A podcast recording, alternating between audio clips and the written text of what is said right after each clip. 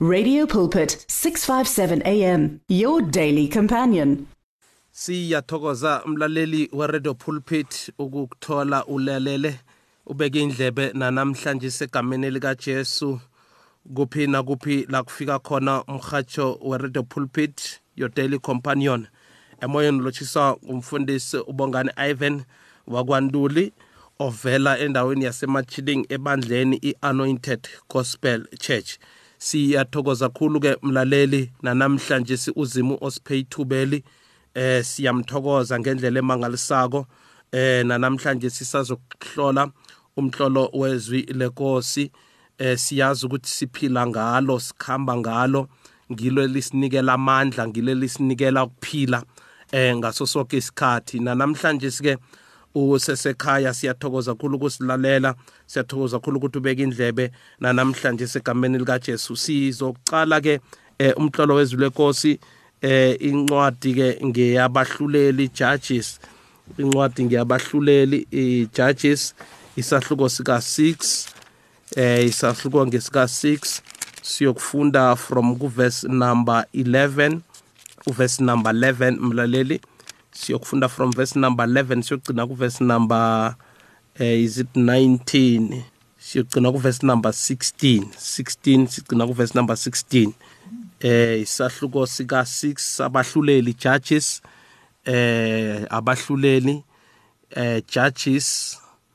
Angathi ngesindebele izothi abagwebi eh judges eh isahluko sika 6 from verse number 11 siya ku verse number 16 ake sifunde ke ngesingisi namhlanje semlaleli uh, now the angel of the Lord came and sat under the terebinth tree, which was in Opera, which belonged to Joash uh, the Abizrite, while his son Gideon threshed wheat in the winepress in order to hide it from the Midia, Midianites. Uh, verse number 12. And the angel of the Lord appeared to him and said to him, The Lord is with you, you mighty man of valor. Verse number 13 Gideon said to him, O my Lord, if the Lord is with us, why then has all this happened to us? And where are all his miracles which our fathers told us about, saying, Did not the Lord bring us up from Egypt?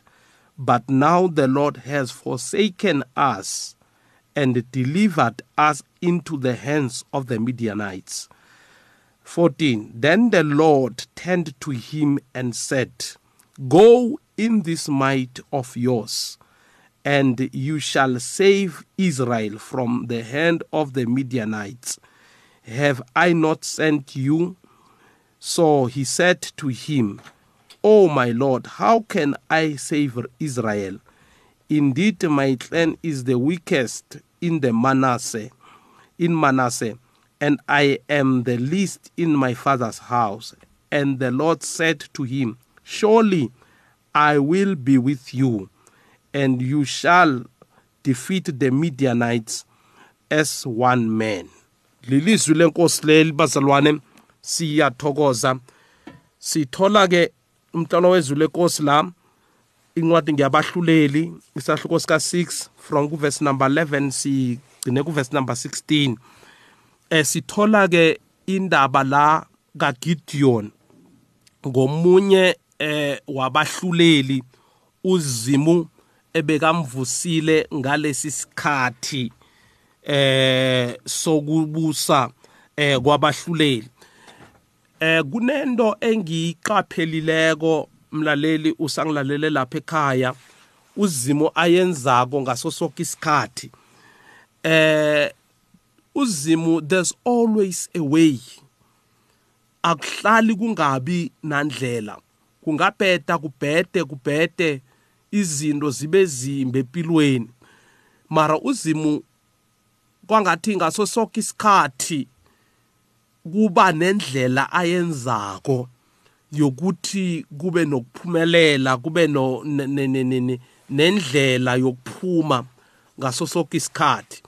Because of ngalesi sikhathi eh abahluleli bakhona kulesikhathi uIsrael bekanganankosi inkosi beyingekho.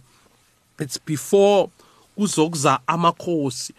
Now uNkulunkulu eh beka zenzela izinto ekempeni kaIsrayeli because of siyakhumbula ngesikhange ngikhathi lezi zabahluleli when eh la kungana leader kwaIsrael then they wanted a leader. They wanted ukuthi yemdele kube nenkosi ezobahola. Eh ngalesi sikhathi before lokho bekunabahluleli abantu uh, uNkulunkulu ebeka abavusa ngaleso sikhathi. Eh because of eh, ngalezi nkathi yila bekuliwa khona kuberekiswa amasod kuliwa uIsrayeli ahlaselwa eh naye alwe naye uIsrayeli eh manje bekudingakala ukuthi yemtele kube nomuntu obakhona oba in charge eh uNkulunkulu manje bekavusa these judges. So now lama judges la Gideon ngalesi sikhathi uIsrael bekathwenya amaMidian so now nakathwenya amaMidian eh bekafikile ke amaMidian aoppressa uIsrael. Now ba beba bathatha whatever that belongs to uIsrael. So now now the angel la la ifikako iangel ingelosi kaNkuluNkulu ifika ithola eh uGideon it's one of the judges uNkulunkulu bekambekile ngaleso sikhathi. Isihloko engikhulumela ngaphasi kwaso namhlanje ukuthi ke uzimo aberegisa eh, a young man eh, ukuthi achange isimo sendawo athentshe isimo secommunity. Ungaba khona ungilalele lapho ekhaya ulalele mlaleli we-radio pulpit ukuthi uzimo kungaba kumbi kungahlakazeka izinto zonke ubone kwangathi akunandlela yokuya phambili. Ubone i-background yakho ubone isimo sakho sanje ubone ukuthi bowuconclude ngokuthi ngibuyaphi ngikuphi. Ah njengoba sekuso kuyatsho ukuthi kusasa lami liyokuba ngalendlela engingakho manje. Now uzimo ufika ngaleso sikhathi. Isimo seka Israel now imuva labo namhlanje labo now ufika kubheda ufika kwangathi akuna future akunanto ezokwenzakala eh ngalesi sikhathi e positive. But ufika ngaleso sikhathi now the angel of the lord came and sat under the terrible tree. Uh, uh, which was in opera opera ne which belonged to Joash Abizerite uh, while his son undodana yakhe le uh, thresh with uh, in the wine spray in the wine press in order to hide it. Now nakhona uh, uGideon ukule ndawo le ubethe ubuthelela okusele kokho ukuthi akuhamba yokufihla because lama Midian ngenzeka abuye azokuthatha lokho okuseleko. Kwabona uzama ukuthi abuthelele lokho kukhona ebese akuthathe ayokufihla. Now ifika ngaleso sikhathi ithi nayifikako izwa ingelosi yabona uzimu nakasibona akasiboni ngokuya kwezimo zethu. Kwathi ungangizwa lapha ekhaya mlaleli. We-radio pulpit daily companion. Namhlanje sekuseni ngithi uzimu akaqali ngokuya kwesimo sakho akaqali akathi nakabona wena abone ngendlela izinto ezikubhodabhodileko zingakho. Muzwe naka-adressa ugideon um-adressa njani? And the angel of the lord appeared to him and said the lord is with you you mighty man of valor. uNkulunkulu unawe. Wena ndoda yamandla you mighty man of valor. Umaddressa ngobukhoni bakhe. Hey Nkosi yami uzimo nakas address uzimo nakasibona this angel of the lord yingelosi kaNkulunkulu. Kunesikhathi thithi nasizibona sibabantu sizibona si sizibona ngokuya kwama situations asiziboni ngokuya kwendlela esikhona ngakho but sizibona ngokuya kokuthi kwenzakalani around us. Ukuthi asibereki ngiyagula ngilahlekele bazali. You know things ezisenzakaleleko things ezisenzakalelako currently emaphilweni ethu. Ebese sithi nasiziqala thina abantu siziqale according to those situations according to what is happening around our lives sizicede siziconclude ngalokho. Lokho vele kwenzakele nempilweni kaGideon. Though he is a judge ekhethwe nguNkulunkulu ukuthi izolida nanyana izokwenza something kwaGideon kwaIsrael ngaleso sikhathi. But now ngokuya kwesituation eyenzakele kwamabidiyeni ezile ahlakaza whatever ahlakazileke ekampeni kaIsrael now and naye sekazibona njengomuntu useless but ithi ngelosi nayifika ithi God is with you.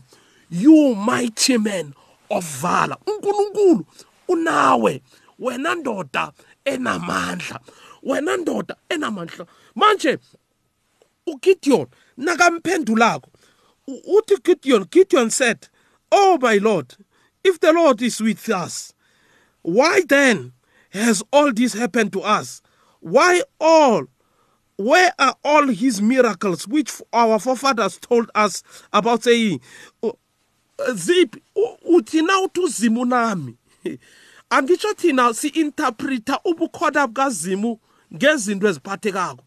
Kukhona lokho ukuthi uzimu ukhona ngenxa yokuthi nginekoloyi ngenxa yokuthi nginani nginani ngiyabereka nginemali. Whatever you, you know uinterpreta ngezinto by the things. Kanti utulo kanje uGideon la uphuzimu loyo? Nangabe kwenzeka la sona sona so empilweni nami. Si interpreta ubukhona bukazimu yinto esiyenzako sibabantu namhlanje. Nami ngizo let us accept bazalwane. Singa singa sigcila nereality. Ukuthi uzimu ngimbona nakangiphumereko uzimu ngimbona nakangiphi uzimu ngimbona nakalula isandla sakhe siletha kimi. But nakangalula isandla i feel like akekho. Now naye ugideon la ufeel he feels like ugod akekho.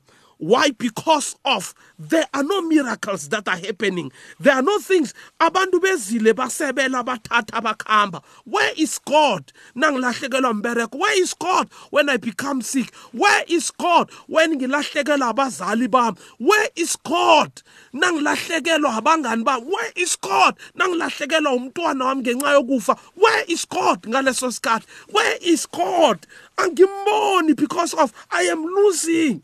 I am losing and losing. Na, na angikulethe lokho namhlanje simlaleli. Ukuthi losing in life akusho ukuthi god is not there. Angiphinde. Ukuthi uyalahlekelwa namhlanje akusho ukuthi uziba kekho kulahlekelweni god is there. In losing uNkulunkulu khona uzimo akabonakali kuphela nasithola. Uyakhona nanoma siluza? Ukhona nanoma silahlekelwa ukhona nanoma izinto zisilahlekela? Amabhizinisi ethu alahle achabalala iinkolo zethu ziriphoseswa amabhizinisi ethu aluthiwa. Kwenzeka whatever. God is there. God is not there because of ibhizinisi yami ikhamba kahle. God is there. Even nanoma izinto zingakhambi kuhle. Uthi we is this god? Nangabe kwenzakala ngalendlela but ngithanda indlela am-addressa ngayo. Even though alahlekela ukuthi you are a mighty man of valor uliqhawe elinamandla wena. You are a mighty man of valor. Now uNkulunkulu nakasibona akasiboni ngokuya kwama situations we nanoma singagula nanoma singalahlekela but uzimo nakasiqalako uqala abantu abanamandla. Akaqali abantu abahlulekako. Akaqala abantu abadefeated. But ubona even in our defeat god nakasibonako ubona abantu abanamandla. Uthi hey wena mighty man of father god is with you. And nasi into ekulu god is with you. uNkulunkulu una ekulahlekelweni akathi nakalahlekela uzimna abesakhamba akathi na uchiya abantu obese naye akhambe. God is with you. uNkulunkulu modimo unali wena. Sikwembu shinalina modimo una hey ngazi ngikhuluma noba namhlanje sekuseni god is with you. Ekulahlekelweni kakho ezintweni zonke ezikhambako lezi imbereko uyaphela whatever kwenzakalani. God is with you. God modimo o na le wena. Modimo unkulunkulu unawe. Nkulunkulu nawe kiloso simo phakathi kwaso. God is with you. Now uthi lana ke but now the lord has forsaken us delivered us into the hands of the midianites. Then the lord turned to him. Manje inkosi iphendulekela kuye ithi and uh, iti go in this might of yours and you shall save Israel from the hand of the Midianites. Have I not? Uthi uzimbu Gideon khamba ngalamandla onawo. Eh unamandla Gideon. Neda uwaboni amandla akho abased endweni eziphathekako. Na noma ungana next nje Gideon mara unamandla. Manje ngifuna ukuthi ukhambe ngalamandla onawo. Ukhambe ngalamandla ona ungayokureplace ungayokufuna ezinye izinto ngaphandle ungazinyazi. Unamandla there is power in you. There is kunobuhoni ngaphakathi kwakho. Yes you feel defeated. Yes you feel weak. Yes you feel kwangathi there's nothing you can do now. But there is power in you Gideon. Kunamandla ngaphakathi kwakho. Kunamandla avalelwe ngaphakathi kwakho. Khamba ngawo. Ungafuni izinto ungasafuni ukuthola before ungasikima sukuma.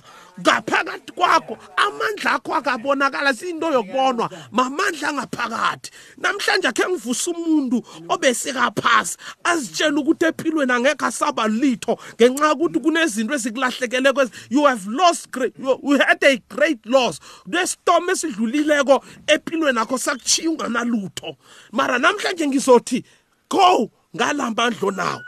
Kunamandla avalelwe ngaphakathi kwakho angakwenza ukuthi uphakame. La ukhona. Esimeni sakho ebantwaneni bakho kikho konke ohlangabezana nakho. Kunamandla avalelwe ngaphakathi. Uthi khamba ngalamandla onawo ngamanye amagama ugideon bekasengasaboni ukuthi unamandla. Kuneke sinye isikhathi uyadinga ukuthi abantu bakutshela ukuthi no wena you are strong. Wena you can make it. Wena you can lisukulalela abantu abakutshela negative ama-negative words about your life. Khuluma lokhu okungaphakathi kwakho because of uNkulunkulu kunento ayivalele ngaphakathi kwakho enamandla ngendlela emangalisakho nanamhlanje semlaleli weRadio Pulpit your daily companion kunamandla avalele ngaphakathi kwakho. Ngikhuluma nawe usekhaya khuluma nawe mhlawumbe usembhedeni uyagula kunamandla uNkulunkulu wokuphila awavalele ngaphakathi kwakho. Khamba ngalawo mandla ebese uzonqoba empilweni. Egameni likaJesu uNkulunkulu. Akakubusisi. Akhe ngikuchiyela amanomboro wami. Namhlanje sinaka amanomboro wami. Nafuna ungifundisa ubungani Ivan wakantuli 076027 0799 ngiyatholakala kulona amanomboro akhe ngiwaphinde. 076 027 0799 ngiwaphinde kokugcina 076 027 0799 egcineni ngiyathokoza kakhulu akhe ngithandaze nawe. Babegameni likaJesu Kristu waseNazaretha nangumlaleli ebese kaphalelwe amandla ngenxa yokuthi ulahlekelwe empilweni. Namhlanje ngithandaza naye egameni likaJesu Kristu waseNazaretha ngibiza amandla kaNkuluNkulu ongaphezulu kwakho konke. Ngithi namhlanje zimama akhe umpha amandla. Wokuphakama egameni likaJesu Kristu waseNazaretha mpha amandla wokuphakama mpha amandla wena unguzimu ovuselela ubutsha bethu bubuye njengoba ekhozi nanamhlanje egameni likaJesu ngithandazela imvuselelo phezu kwempilo yakhe ngegama likaJesu. Amandla okuphakama ukuthi aqalane nempilo namhlanje egameni likaJesu Kristu waseNazaretha. Amen. The words of the Lord are words of life. Your heart is on 657 AM. 657 AM. Radio for believers in action.